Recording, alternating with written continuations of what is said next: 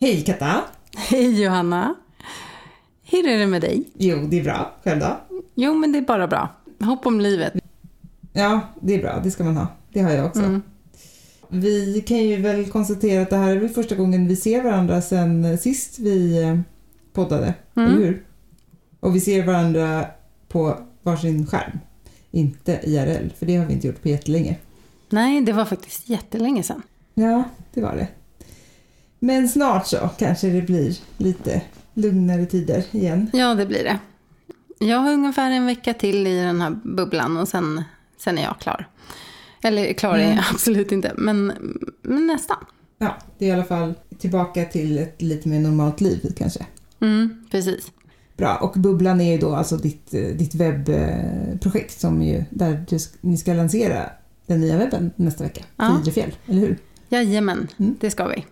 Och innan vi går vidare och lyssnar på veckans poddavsnitt så tänkte jag bara flika in eh, att jag har en jättespännande jobböppning till er som lyssnar. För jag tänker att bland våra lyssnare så tror jag att det finns ganska många som går och funderar på det här med att kanske lämna ekorrhjulet och flytta till fjälls. Eller vad tror du? Ja, det är jag inte bara tror, jag vet ju att det är flera som Ja. gör det. Så att, eh, absolut så borde det finnas eh, en och annan hugad spekulant där ute. Jag tror det också. Och, ehm, och då kanske man också tänker så här, mm, men vad skulle man jobba med? Ja, men jag har svaret på det. Man kan bli min kollega på Idrefjäll. För vi har nämligen en roll ute nu som webbredaktör och det är mitt nuvarande jobb kan man säga. Och ehm, ja, jag vill bara puffa för det, för det är en grym möjlighet och det händer massor av kul på Idrefjäll nu. Och framförallt så får man ju bo i fjällen och bara ha så här, allting utanför dörren. Man slipper eh, T-centralen i rusningstider. Ja, och får en massa annat på köpet. Så Ja. va- vart ska man eh, gå in och kolla då om man är intresserad och vill veta mer? Man kan gå in på jobbaifjallen.se. Det är Idrefjälls karriärsida. Och där kan man se lite olika jobb om man är sugen på något annat. Men eh, också lite om hur det är att jobba där.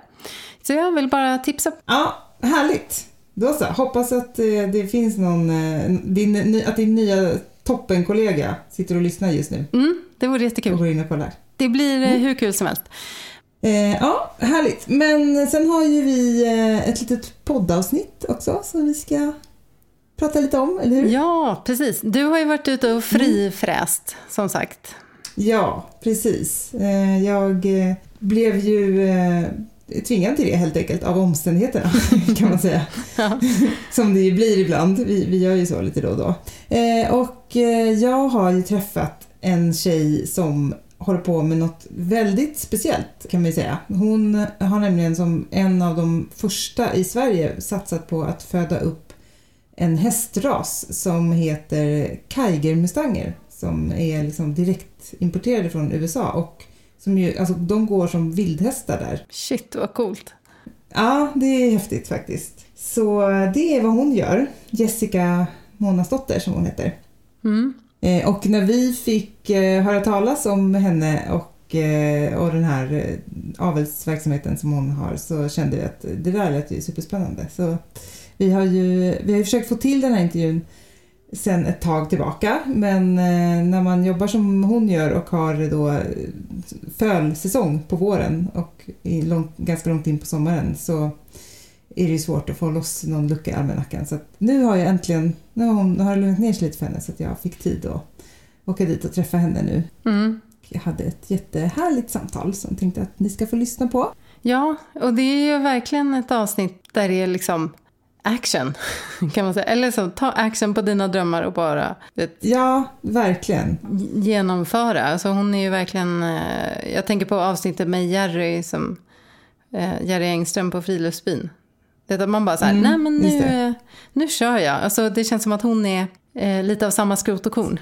Ja, verkligen. Ja, hon har spottat i nävarna och bara kört stenhårt verkligen. Så att, eh, ja, jag, tror, jag hoppas att det är många som kan bli inspirerade och kanske få med sig både ett och annat från eh, Jessica. Och eh, även om man inte är specifikt in- intresserad av hästavel så finns det ju väldigt mycket såklart i, i det hon har gjort som kan inspirera även om det är något, något annat man kanske vill liksom, satsa Ja, på. precis. Ja, men då eh, kör vi väl och lyssnar på veckans avsnitt. Vi ska ju också passa på att tacka någon, eller hur Johanna?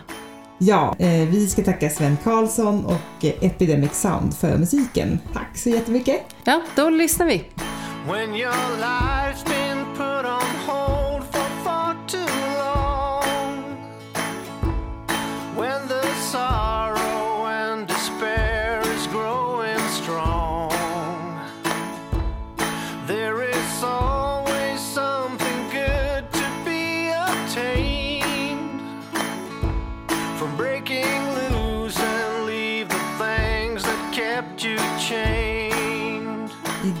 Är jag ute på äventyr själv. Eh, Katta kunde tyvärr inte vara med idag, men jag är ju jag är ensam eh, ska man säga, programledare, men inte ensam eh, i, i podden, för att vi har ju en gäst idag.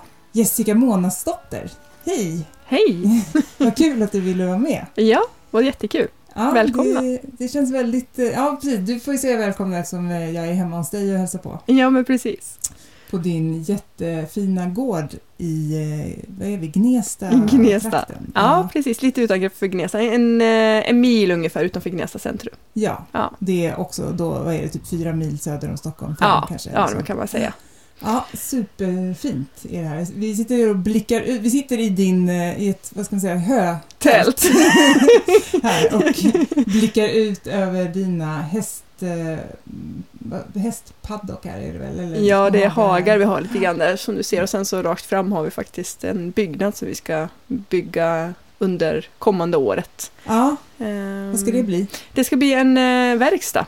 Ja, okej. Kombination med en liten lösdrift på ena baksidan där då. Ja, Ehm, lösdrift för hästarna. Ja, alltså. ja men precis. Det kommer vara en till byggnad där då. Ja, Så, um, ja, så det är väl nästa projekt vi har på den här gården. ja. Eh, och vi kanske ska börja med att du berättar lite mer om eh, vem du är och eh, ja, Ja, vad, vad du gör och så. ja men absolut. Jessica Månadsdotter heter jag då. Är 30, fyller 39. Jag har lite sån här åldersnoja för jag blir 40 nästa år. Ja. Så därför kände du att det var lika bra att bara säga Ja, så det var liksom lika bra att säga det. Eh, jag lever med min man på den här gården, Fredrik heter han. Mm. Och eh, vi har ett, en son gemensamt barn då. Eh, han har två döttrar sedan tidigare förhållande och jag har två söner sedan tidigare förhållande då. Mm. Så, Så, ni är en eh, ganska stor... eh, Ja, Ja, eh, hans döttrar är ju vuxna. Så han, eh, Fredrik har ju blivit morfar här i år. Jaha, oj, Ja. så. Så det är ju... Ja, så det, vi är liksom en stor familj då. Men det är ju mina pojkar då som kommer hem varannan vecka om man säger då. Mm. Och sen så har vi ju Marvin då. Mm. Så att, ehm, ja.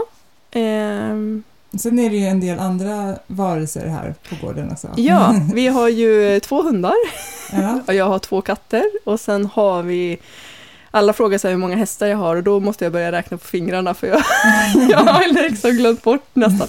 Nej men jag tappar räkningen. Eh, men vi har nio ston. Eh, jag har två hingstar. Eh, och sen har jag två valacker. Mm. Eh, så att det, det är de två hingstarna och nio stona då, som är i min så kallade verksamhet då, som jag håller på att bygga upp. ja, och Mm. vad är det för verksamhet? Det är en avelsverksamhet med Ja. Kaigemustanger. Ja, som jag ju har eh, eh, hållit på nu i nio år. Sen 2010 kom jag i kontakt med häst, den här, just den här rasen. Då. mm. Och det tog ju mitt hjärta så att jag eh, föll ju direkt. Så eh, ja, det start, var startskottet om man säger. Liksom. Att där kom jag igång. ja. Och Eh. hur kom det sig att du kom i kontakt med liksom, den Ja, här rasen och med tankarna på att börja ja, avla hästar? tanken på avel hade ju kommit liksom, eh, tidigare eh, och har väl funnits inom mig i många, många år. Men sen så när det började öppnas den här möjligheten då så kände jag att ja men vilken ras och vad ska vi börja med och sådär. Och då eh, 2010 så såg jag en artikel i en eh, sån hästtidning som heter Lucky Rider. Eh, och då läste jag om Thomas och hans mustanger nere i Skåne. För jag hade ju liksom eh, klurat det här med mustanger och tyckte att det här skulle ju vara någonting. Men hur ska man kunna få över en mustang ifrån USA? Det hade man ju ingen aning om. Ja, det låter ju inte Det super... Nej, det lät inte, sådär, jätte, det lät inte så enkelt heller. Nej, att, eh, inte och, billigt heller. och inga kontakter och sådär. Nej, men så då åkte vi ner till Skåne och träffade Thomas som har blivit en väldigt god vän för mig nu då. Han har ju följt mig i de här nio åren eh, så han har ju blivit en väldigt viktig person som både min mentor inom hästeriet men även som en viktig person i mitt privatliv där man liksom alltid ringde och berättade glada nyheter men ringde också när det var lite jobbigt och, och sådär. Så han har ju verkligen varit en toppenperson i mitt liv. Och på den resan var det, han hade två föl då. Och sen så sa jag att eh, ja men det där hingstfölet vill jag ha då. Ja, åk hem och fundera på det där någon vecka eller två. Liksom. Jag hade ju redan bestämt, jag tänker inte vänta. Liksom. Så jag ville Jag stoppar hästen i Ja, precis. Jag ville ha kontraktet och lägga handpenning och hela det där kittet så här. Men eh, så där vart det då. Sen åkte vi över då 2011 till... eh, Så du började med ett, ett hingstföl? Ja, liksom. vi började, egentligen hade jag tänkt ett storföl då, men eh, jag var ju tvungen att ta det han hade och jag kände så här, jag kan inte vänta tills han får ett storföl för jag vill ju komma igång nu. Så. Eh, men vi sa det att de kommande åren då, får du storföl så står vi liksom först på intresselistan. Vi vill jättegärna ha storföl också. Då. Eh, men året därpå så skulle det vara en aktion i USA på just Kajgmustangerna i Oregon. Eh, och det här, jag tror att det var då 2011, det var första gången som att en eh, icke-amerikan kan komma över och ropa in. Mm, det Annars låter ju lite som med islandshästarna Okej. på Island. Eller jag vet inte om de har aktioner och så, men just Ja. det här med att det är väldigt reglerat Ja. hur, hur man får... Och just att om man, om man tar en häst därifrån så får den aldrig mer komma tillbaka. Nej men precis. skita. Ja men precis. Men, ehm, ja men så i alla fall, så vi åkte över. Eh, vi hade tänkt oss att skulle ropa in en. Så när vi står där och ska få vår eh, eh sån här eh, nummerlapp som vi ska sitta med och liksom buda på då. Så står vi i den här kölistan, eller den här kön in mot där vi ska liksom lämna vår namn och få den här budnumret eh, då. Eh, så tittar vi, men vi, vi, skriver att vi ska ha två för vi var ju tvungna att meddela eh, Jaha, innan. man måste säga innan Ja. hur många man ska Ja, hur många man ville liksom eh, ta det. För vi vart ju lite osäkra, för skulle det vara så att vi förlorade på en bud så kanske inte vi liksom, hade vi inte någon annan att, att ta Nej. liksom. Så vi sa, ja men vi tar, vi tar två liksom. Ja, så vi sa, ja men vi ska buda på två. Sådär. Och, Men för, för, för är de alltså... Är de vilda de här hästarna då? Eller ja, säga? de fångas in då på sommaren och sen så frysmärks de. Ja. Eh, och sen så kollar de kön och placerar eh, dem i ålder i olika foller.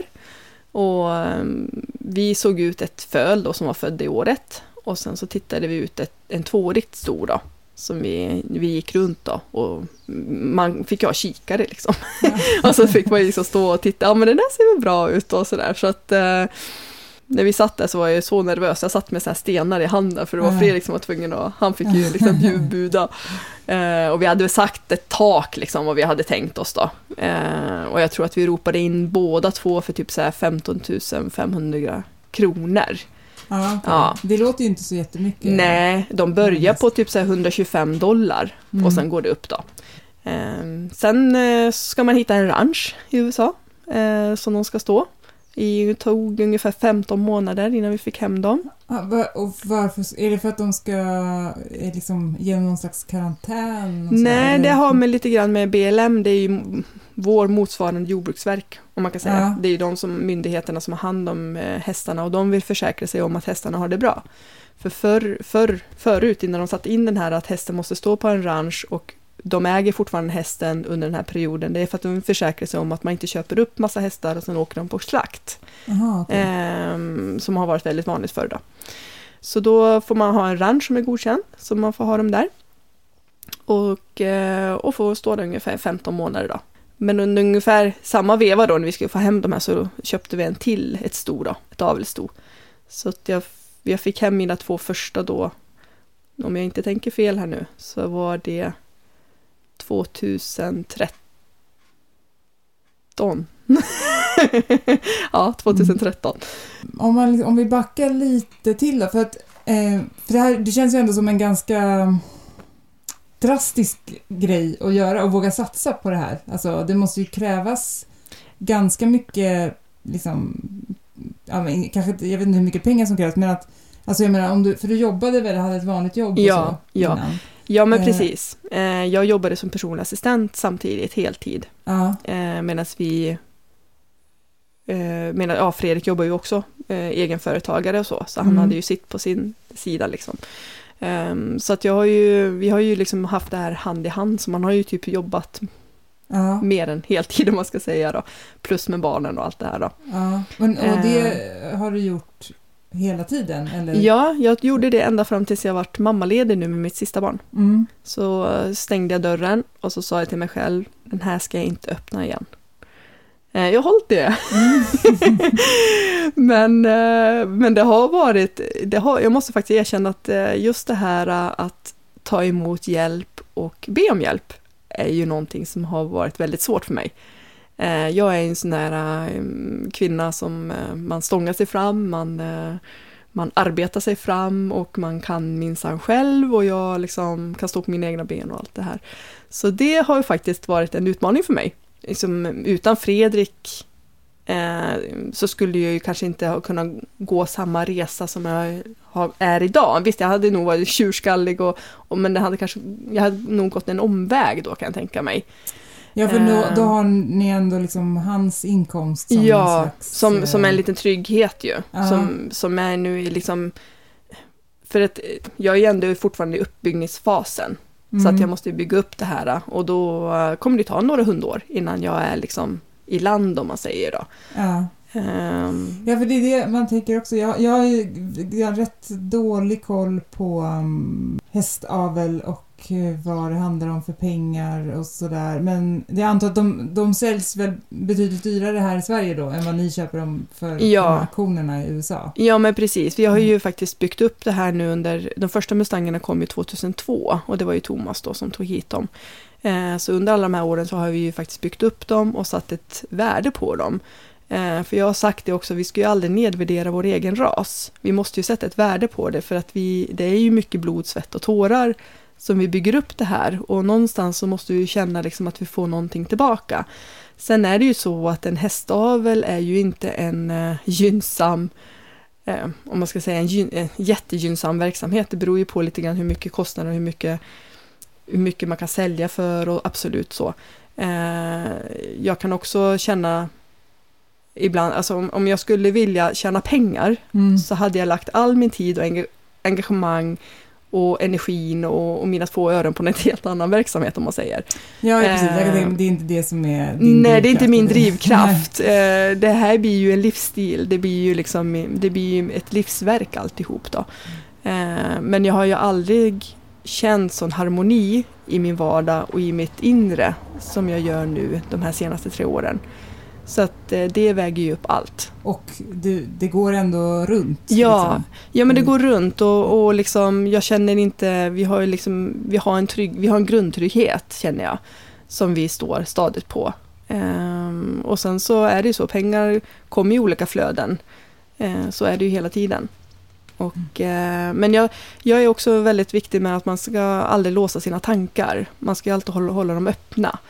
Och eh, bara för att jag har tänkt en tanke att ja, så här ska det bli och så kan det hända någonting längs med vägen.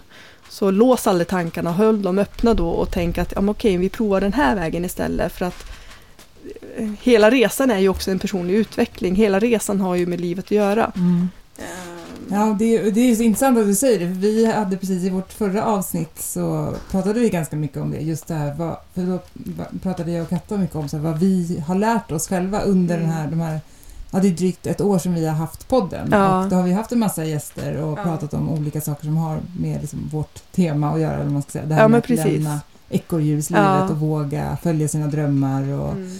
liksom kanske följa sin magkänsla och Ja. sådär. Och, och då, ja, då landade vi ganska mycket i det också, att det är just det här med att, att ha ett öppet sinne och att man kanske tänker sig från början att så här, min resa ska se ut så här. Jag ska Ja. från punkt A dit bort till punkt B och Ja. där är målet och det är dit jag ska. Ja, Och då är det lätt att man låser fast sig vid det. Men Precis. just det här med att, som du verkligen sa så bra, att så här, själva resan är ju en otrolig liksom, ja och, och, utvecklingsfas i sig och det kan hända jättemycket grejer på vägen. Så- Ja men absolut, det är, det är ju så. Och, och jag känner, jag har ju utvecklat mig så mycket inombords under de här åren så att eh, jag är så tacksam för att jag har, har tagit det här klivet. För att det, det växer ju jag som person och jag blir väldigt, jag känner ju själv att jag är mer ödmjuk inför livet. Och jag har ju blivit mycket snällare mot mig själv. Eh, och det är väl det är väl där man ska komma känner jag. För det, är, det är så också, man måste stanna upp och så måste vi titta runt och se vad vi har skapat och vad vi har gjort och sen verkligen njuta av det. För att en dag så kanske man inte kan det.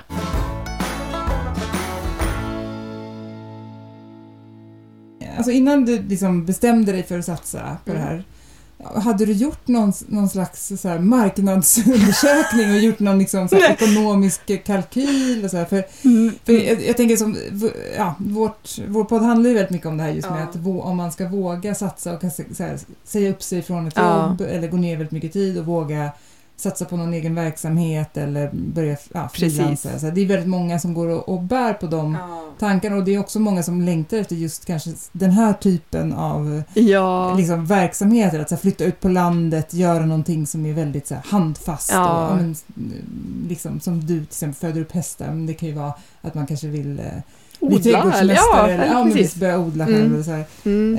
Eh, men det som ju är det största hindret för väldigt många är ju såklart det här med ekonomin och många Mm. tycker att det är också väldigt läskigt Mm. med rätta. Liksom, Mm, att, ja, men absolut. att våga göra en sån här satsning. Ja, gud ja. Det är, Ehm, så det är det jag är också lite nyfiken på, så här, hur liksom...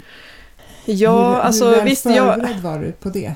Ja, men jag och Fredrik är ju båda vi är ju risktagande personer. Alltså vi, gill, man, vi kastas ju ut. Eh, jag har inte varit det, ska jag säga det. Jag har varit en väldigt bekväm person och vill gärna vara inne i min box där.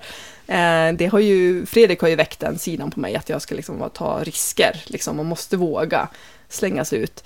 Eh, sen så absolut med ekonomin så måste man ju kolla igenom vad kan man skala av, vad kan man dra ner, vad är nödvändigt, vad är inte nödvändigt. Eh, så det får man ju göra en kalkyl och se efter liksom, mm, man kan ju faktiskt ta bort ganska mycket kan jag tänka mig eh, i hushållet eller i den vanliga ekonomin.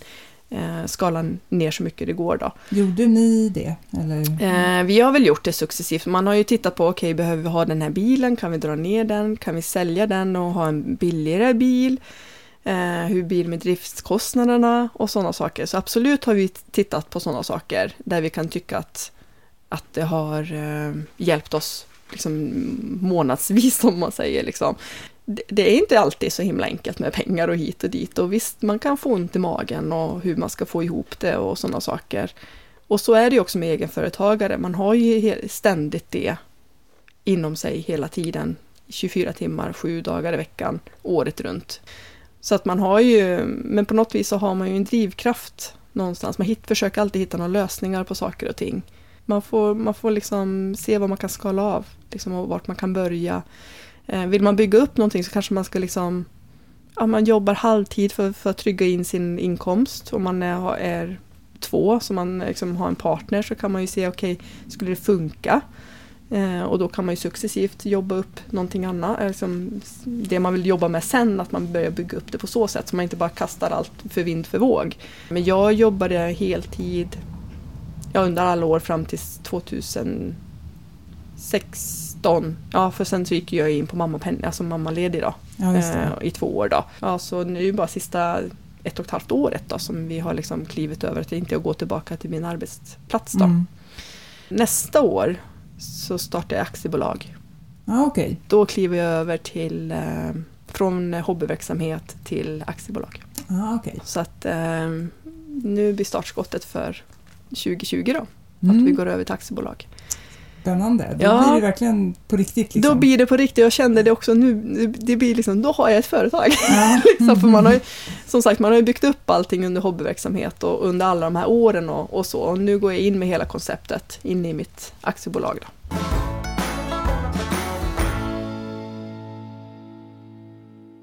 Men eh, hur ser liksom efterfrågan ut? Då, på, Ja. alltså, ha, har du liksom kö på folk som vill köpa hästar av dig? Eller? Ja, men det, jag, alltså, jag älskar ju marknadsföring. Det Ja. är det bästa jag vet. Ja, kul. Ehm, Det passar ju bra. Lämpligt. Ja, men precis. Så att, eh, hemsida är jätteviktigt. Att man liksom eh, ser utåt, att folk kan hitta en. Eh, sociala medier är min största, det är där jag finner mina köpare.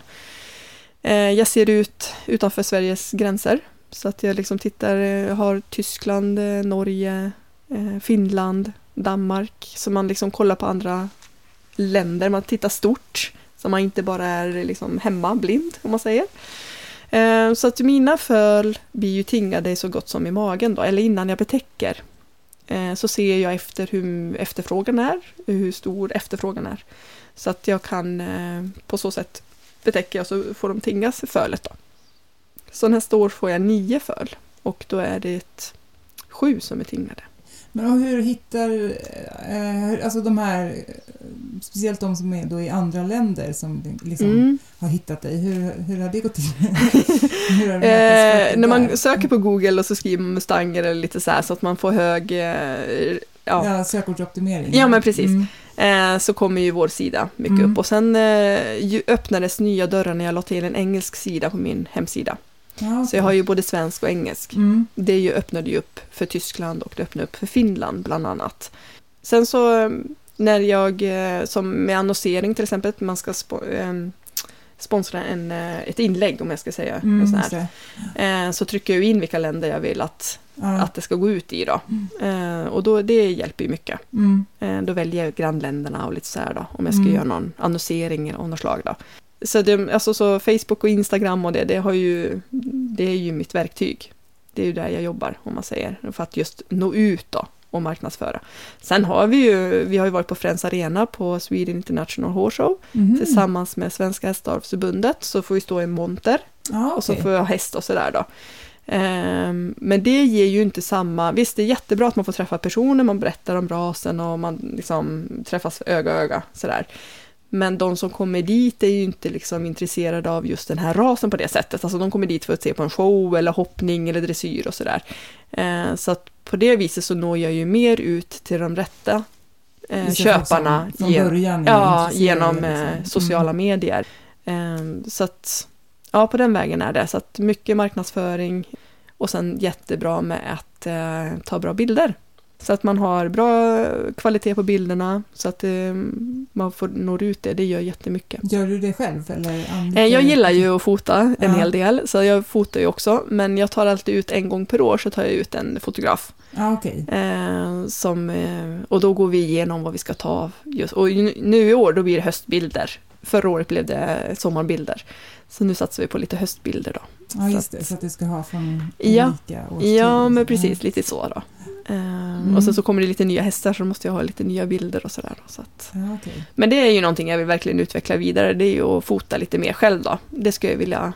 Man måste ju hitta, även fast jag, jag driver det, vi har en gård nu och jag har en avel och så, så måste man ju hitta någonting sidan om. För att jag måste ju också hitta någon där jag kan tanka energi. Även fast det här är det roligaste jag vet och jag brinner för det, så måste jag hitta någonting sidan om också som man bara kan koppla bort.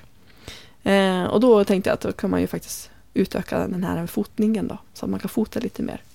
Mm. Eh, men sen så springer jag ju också, så att jag löptränar ju en hel Ja, ja, okej. Så man får ut lite sådär. Skallen. Ja, men man måste få det här, äh, få igång flödet i kroppen. Ja. Så man inte, inte får det nu när jag står och mockar och sådär, men det vet inte det om. Ja, För jag, för jag tänkte precis säga det, för mig är det så här, mitt sätt Ja. att, eh, min terapi och mitt sätt att bara vet, lägga allt annat åt sidan, Ja. det är just att åka till stallet och Ja. så här, mocka och bara fixa och liksom. Ja, men precis. Men det här blir ju så att jag gör det varje dag det blir ganska Ja, många ja, mängder. rutin också, Ja, att, precis. jo, det- Men gör du allting själv eller har du någon Mm. som hjälper dig med? Nej, Nej. jag gör allting själv. Men jag har eh, i sikte och jag har som mål att jag skulle kunna hitta någon eh, avbrytare varannan helg skulle jag vilja ha någon som kan komma. Så jag kan bara liksom på fredagen eller någonting så här, men nu åker jag iväg den här helgen och så kan jag slappna av och göra något annat. Mm. Sådär. Ja, men det måste man nästan Ja. kunna göra någon gång då och då. Precis, det måste man ju. För att eh, det tar ju alldeles för mycket annars om man inte kan få den avslappningen. Om man säger. Mm. Ja, precis. Hur underbart det än är. Ja, men precis, så är det ju. Det kommer ju en liten katt här. Ja, Mm, Den var lite nyfiken förut också. Sen eh, drog den sig tillbaka och blev lite blyg. Men nu är den här igen. Vi kollar läget. Vad var ja. den hette? Sören? Var det? Eh, nu ska vi se. Ja, det är Sören.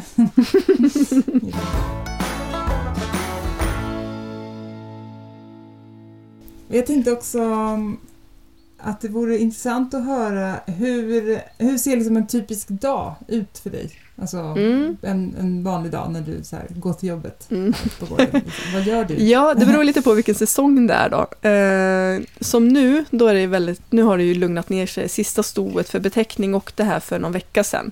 Men eh, som nu, då går jag, först kör jag Marvin till eh, förskolan. Man får Mm, den lilla Ja, pre- precis. Och sen när jag kommer hem så kollar jag över alla hästar. Jag har en häst som står inne för kastrering nu då, så att han får stå på boxen, så jag får släppa ut honom. Ja, vi Först- gick förbi honom nu när Mm. vi, han stod och såg Ja. lite halvnöjd ut Ja, sin lilla precis.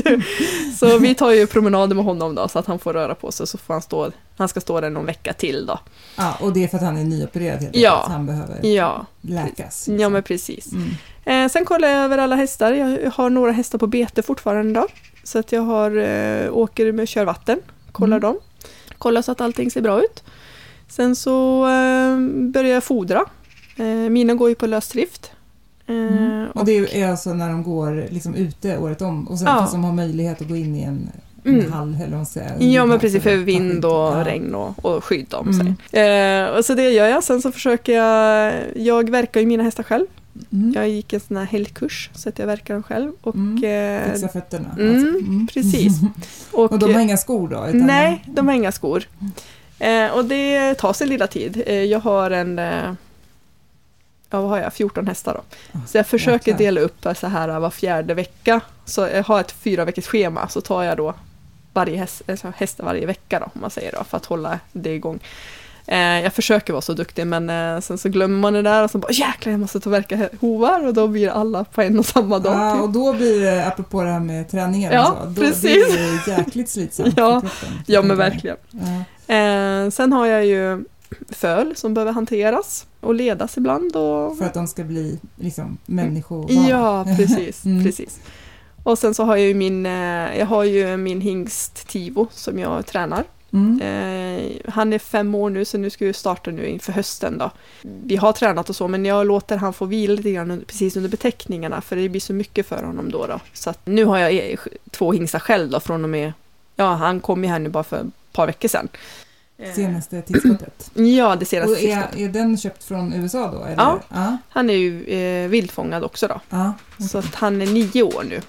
Eh, och han är tänkt att jag ska till nästa, nästa år betäcka alla mina ston med honom så får Tivo vila och så ska vi koncentrera oss på att träna med honom Mm. då. Mm. Man Eh, tappar fokus när man ska ut på kärleksäventyr. Ja men precis.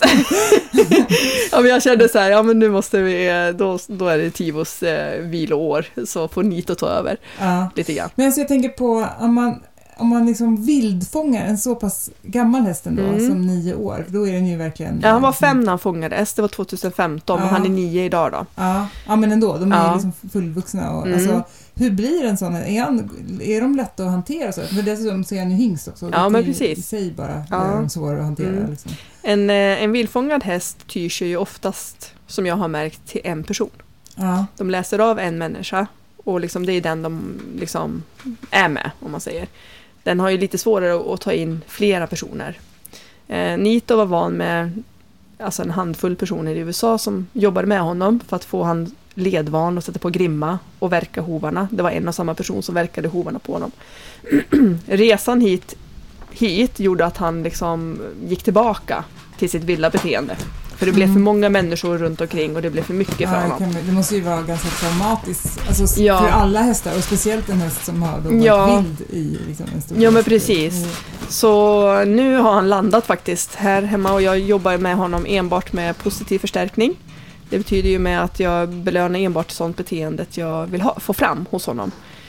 Så vi börjar där nu. Eh, så att jag får liksom locka fram han igen där han var innan han, flö, liksom innan han började resa då.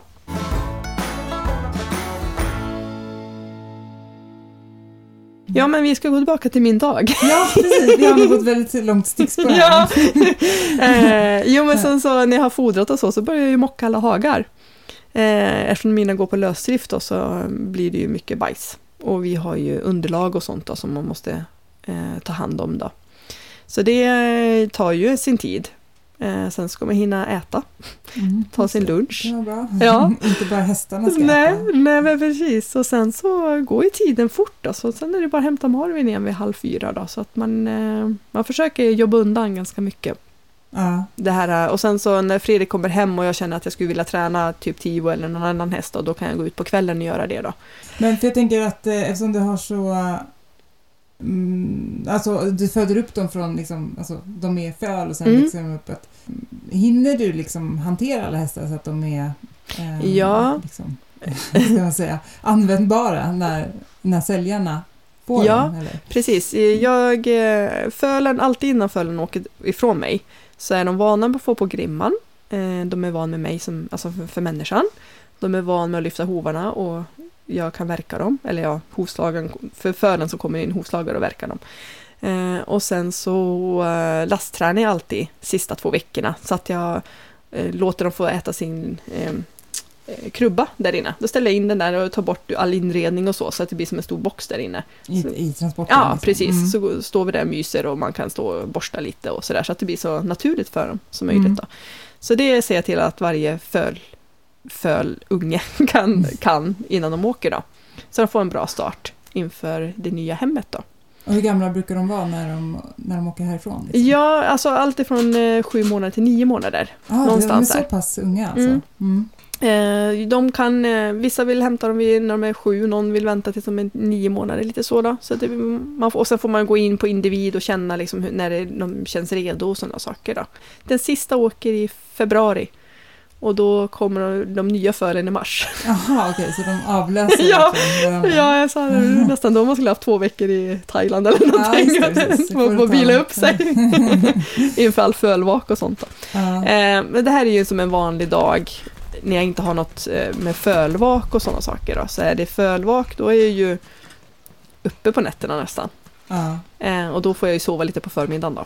Och, sen, och då är du med alltså, när Mm. de sen börjar föda. Ja, men precis. Är, är du liksom barnmorska? också? Jajamän, jag blir barnmorska.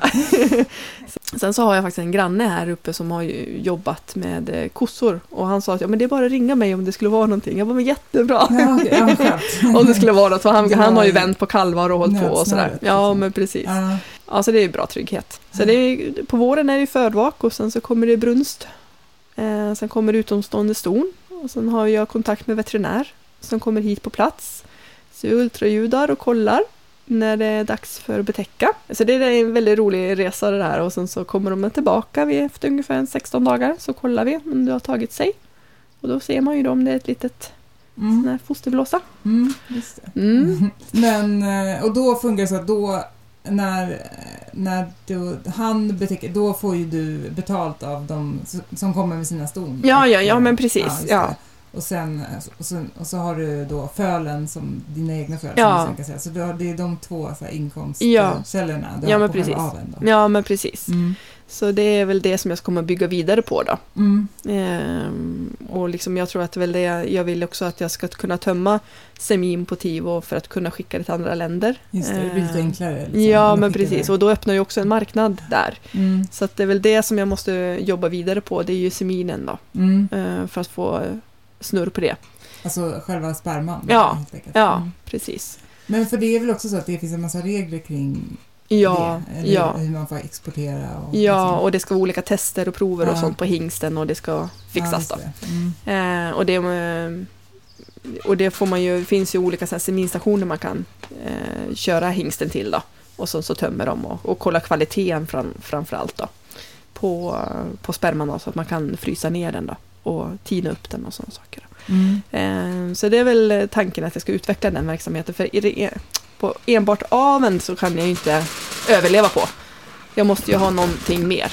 Ja. Eh, och då är det väl den här seminverksamheten som jag vill utveckla mer då. Oj, nu låter det väldigt mycket här. Ja. Det är för mycket så här fina miljöljud här. Det här är ju det här eh, tältet som blåser som man nog hör i bakgrunden tror jag. Och sen var det lite hästgnägg för ett tag sedan. och... Ja.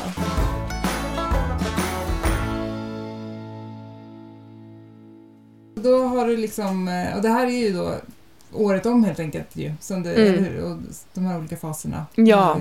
Ja, intensivast på våren. precis, det är det Mm. ju. Och um, sen kan det bli lite utdraget beroende på om eh, något sto får någon infektion så ska det behandlas och sådana saker. Så att jag hade ett sto som varit väldigt sent och hon kommer nog föla efter midsommar. Eh, jag vill gärna ha tidiga föl så att man får en lite lugnare sommar. Ja, just det. Mm. Mm. Eh, jag misslyckades i år. Det blir inte alltid som man planerar, Nej. men eh, det blev bra ändå.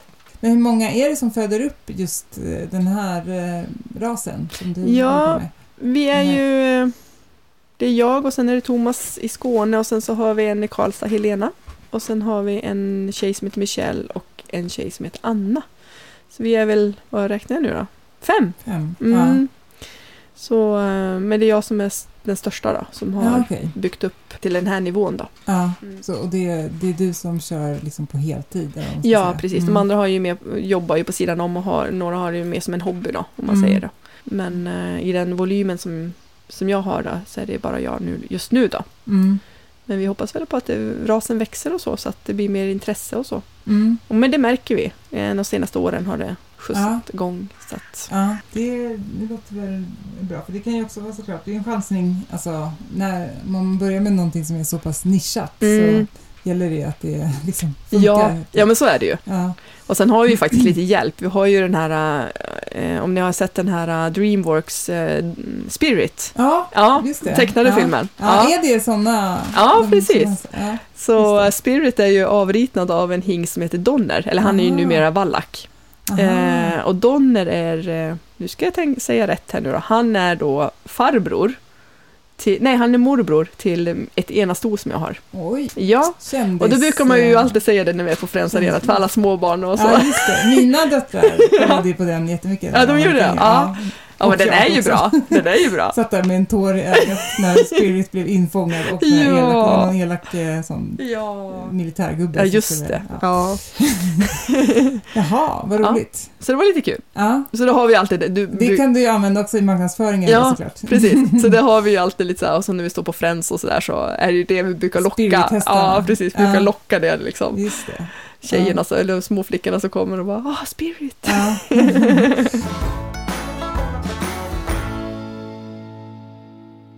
Hur, eh, alltså jag tänker, för du, nu har du ju, eller ni har ju satsat ganska stort måste man väl ändå Mm. säga och liksom, ni har också byggt Mm. gården här Mm. som är på ganska nyligen.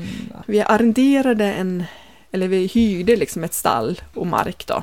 Eh, och det var ju precis i starten liksom. Och vi kände väl ganska redan där att vi skulle behöva ha något, något eget, för det blir ju en väldig kostnad att ha massa hyror. Eh, visst, det blir ju en kostnad att ha en gård också, absolut, men det blir det, då betalar man till sig själv, det blir ju på ett annat sätt. Mm.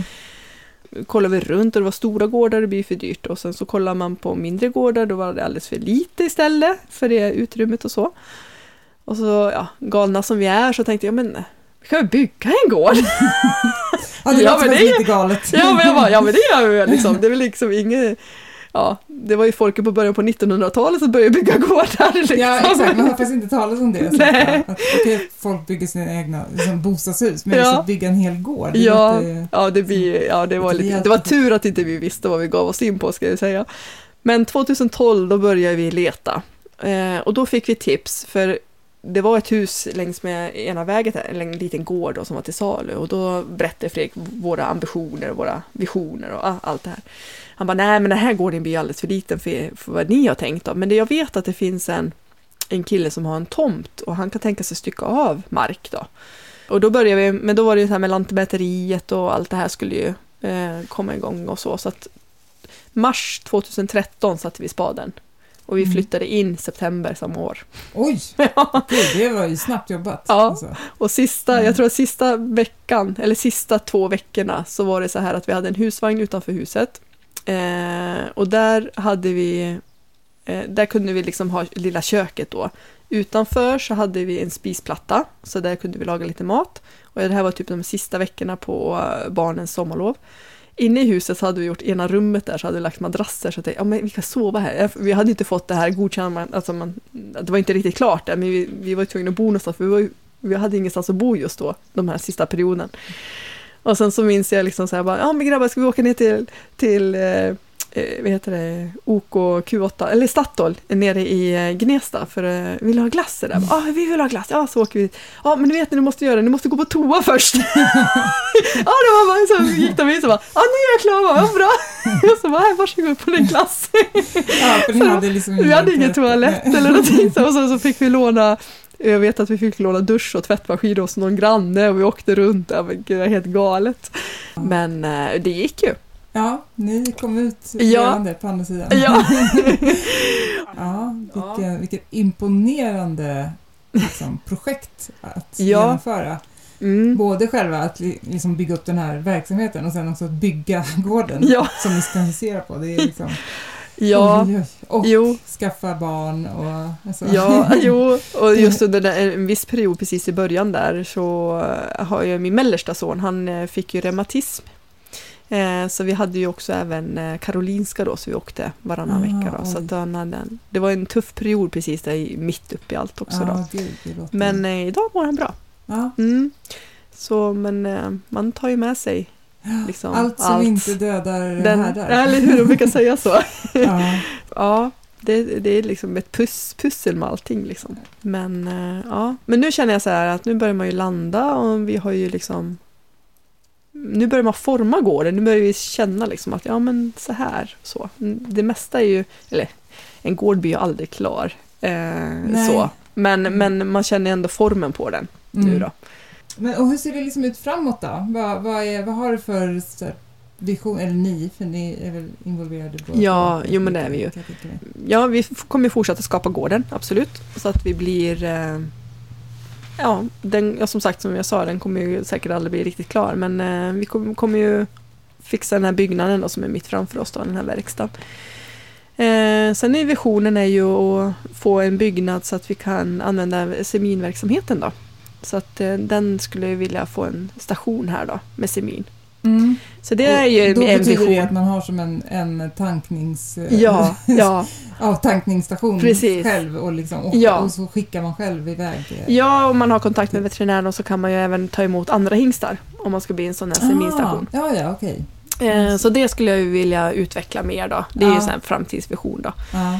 Men samtidigt så känner jag så här, ja man är ju här, nu när jag tänker på ålder, nu när man blir 40 nästa år så får man känna liksom så här att ja men hur många år ska man köra med aven? Jag kommer ju inte stå eh, Ja, nu säger jag det så ska man säga, man ska aldrig säga aldrig men jag vill ju inte stå här som 65-70-åring och stå och fortfarande mocka och sådär men ja, Nej, känner jag mig rätt så kanske jag kommer ändå göra det men Men man får ju tänka lite så här för man har ju, man börjar ju spara ungston och de lever ju och de kan Mm. producera ända tills de är 21-22 liksom och vill man göra en Alltså om man vill avveckla så vill man ju göra en naturlig avveckling. Liksom. Mm. Sådär. Så man får ju börja tänka sen om några år vilka man ska, individer man ska börja spara ifrån och sådana saker. Då. Mm. För Alltså, sen- du, det är inte så att du tänker att det här är så här för resten av livet, utan...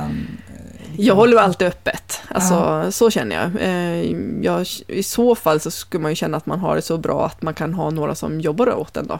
Eh, Så att man kan njuta på det sättet. Då.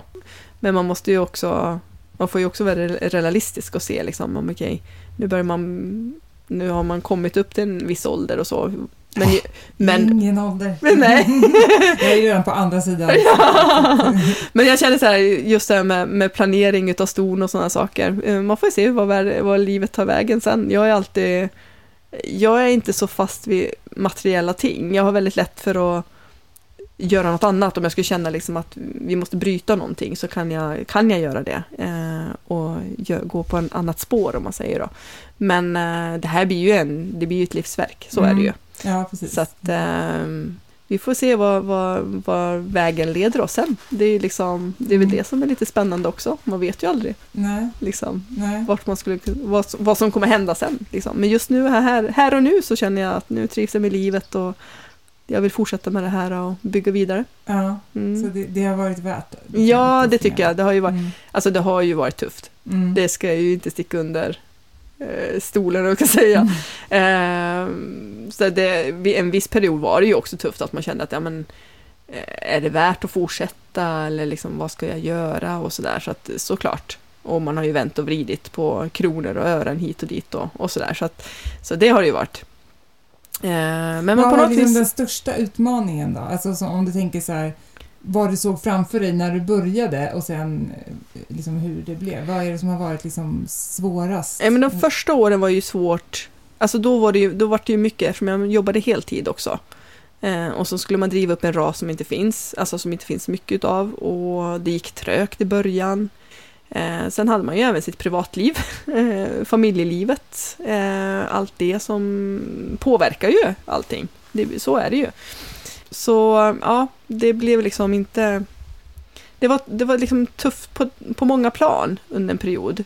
Men sen när det börjar lätta upp sig så känns det som att det blir ju lättare på alla plan. och sen så Mm. rullar det på. Det blir så här dominoeffekter Ja, liksom, åt både det dåliga och det bra. hållet, Ja, liksom. ja Mm. men precis. Och när det flyter på så flyter allting på. Det blir liksom, man är i ett flow på något vis. Eh, sen så beror det ju på helt hur man hanterar motgångar och hur man tar sig upp igen och sådana saker och hur man försöker det kan ju komma motgångar nu också, men jag försöker, okej, nu fick jag den här motgången. Jag liksom analyserar den, alltså tänker igenom den. Vad kan jag göra åt det? Eh, okej, jag gör så här.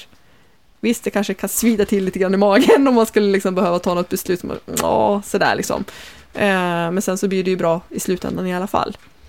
Eh, så att jag försöker ju aldrig liksom haka mig fast vid någonting, en motgång som kommer, liksom, utan man försöker ta den och, och välkomna den också då, som en lärdom. Då. Ja, det låter ju som en väldigt eh, svår genomförd men sund filosofi. Att eh, liksom Ja, jag välkomna sina motgångar. Som, Ja, jag har inte alltid Mm. tänkt så. nej. Det har jag inte gjort. Det är de sista, sista åren här nu som man har liksom, men det är ju med hela resan så har det ju lett till att man måste börja se saker från ett annat håll och ett annat perspektiv och, och vissa saker som man kanske har tänkt att det, det skulle ha lett till någonting har inte blivit det utan man måste kanske ta ett tufft beslut då. Så får man ju känna att ja, men jag lärde mig otroligt mycket genom resans gång. Och det får jag ju får jag med mig i ryggsäcken sen till nästa uppgift eller man stöter på en liknande situation eller sådana saker. Om du skulle liksom eh, summera då lite eh, och för eh, de som lyssnar som Mm. kanske sitter och har de här tankarna på att göra någon sån liknande, det behöver inte vara exakt att de vill Nej. med hästavel. Nej, men precis. Men eh, att just att liksom verkligen så här våga satsa på någonting fullt ut liksom. Ja, och men kanske precis. släppa en, eh, en anställning och sådär. Mm. Ehm, vad, vad är det? Du var ju lite inne på det tidigare. Ja, liksom. I början där. Ehm, skulle du ge dem rådet att, att göra det med, Ja. med dina erfarenheter i, i bagaget? Ja, som- men absolut. Och se det som en, eh, alltså resans gång är ju det, det är ju det som du ska njuta av också. Och inte bara som du sa, målet, alltså punkt A till punkt B liksom. Eh, givetvis måste man ju sätta upp kortsiktiga mål och långsiktiga mål. Och man måste ju ha någon form av någon linje att liksom gå om man säger.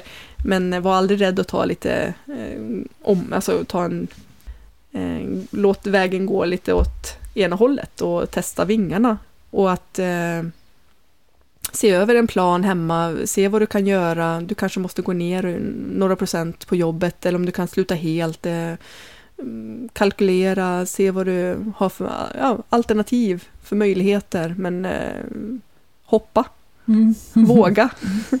och det öppnas dörrar. Och ha tro och gå efter din magkänsla. Det är Mm. liksom, magkänslan säger så mycket. Ja, det... det- har vi tjatat om mycket Ja. också i podden, Ja. men det är ju verkligen så. Det, Ja. det är så... Och det, är, och det är liksom, jag, jag tror ju också, har man, har, känner man, har man harmonin i sig och har, går efter magkänsla så kommer ju mycket till en. Det var ju vissa tuffa år när man, hade, när man jobbade och så här, man kände liksom att man hade en liten klump i magen ibland när man skulle gå till jobbet och sådär. Man visste inte vilken, om det skulle vara någon som var sjuk och man, skulle, man visste inte vad man skulle jobba med och sådär. Eh, den klumpen finns ju inte idag och det är ju en befrielse att man känner att man lever ju verkligen det livet jag verkligen vill leva. Ja, och det är, ju, det är ju verkligen det som är det Ja. absolut viktigaste. Ja, och nu har man någonting att jämföra. Ja, Alltså man har ju lite så här äh, med, med bagaget hur man liksom har mått i Ja. tidigare arbetslivet och, och sådär till kontra nu så har man ju, kan man ju jämföra på ett annat sätt. Så att äh, ja, jag känner att jag har hittat hem kan jag Ja. säga. vad bra. Det låter ju fantastiskt. Ja. ja, jag, jag känner att jag måste få gå runt och kolla lite Ja, här på absolut. dina dina hästar. och- Ja, men det, vi tar en liten promenad sen. Ja, Mm. vad bra. Mm. Men eh, då får jag väl tacka dig så jättemycket Ja. för att du ville vara med och eh, stort lycka till framöver också Tack så jättemycket. med alla avels, eh, vad ska man säga, avelsprojekten och Ja, hästträningen och Ja, men allt tack så annat jättemycket. Också. Så um, vi lär väl säkert se och höra mer av dig. Ja. Och just det, det skulle jag säga också. Om, Mm. om det är så att folk blev nyfikna nu och vill Ja. eh, kanske gå in på din hemsida och Ja. titta på dina hästar. Och de kanske vill eh, boka in sig på något av de här två fölen som är uppbokade. Ja, vem vet? vem vet? Ja, Var, vart ska de gå då? de kan gå in på kigermustanger.se och sen har man ju Facebook eller Insta då, då heter jag Team Kaigers. Team Kaigers. Mm, just det. precis. Men då, um, vi kommer också länka till Mm. det så att ni Ja. kan hitta Jessica Ja, men och hennes tack så hästar. Bra, men tack så jättemycket. igen. Tack, tack. Hej. Hej!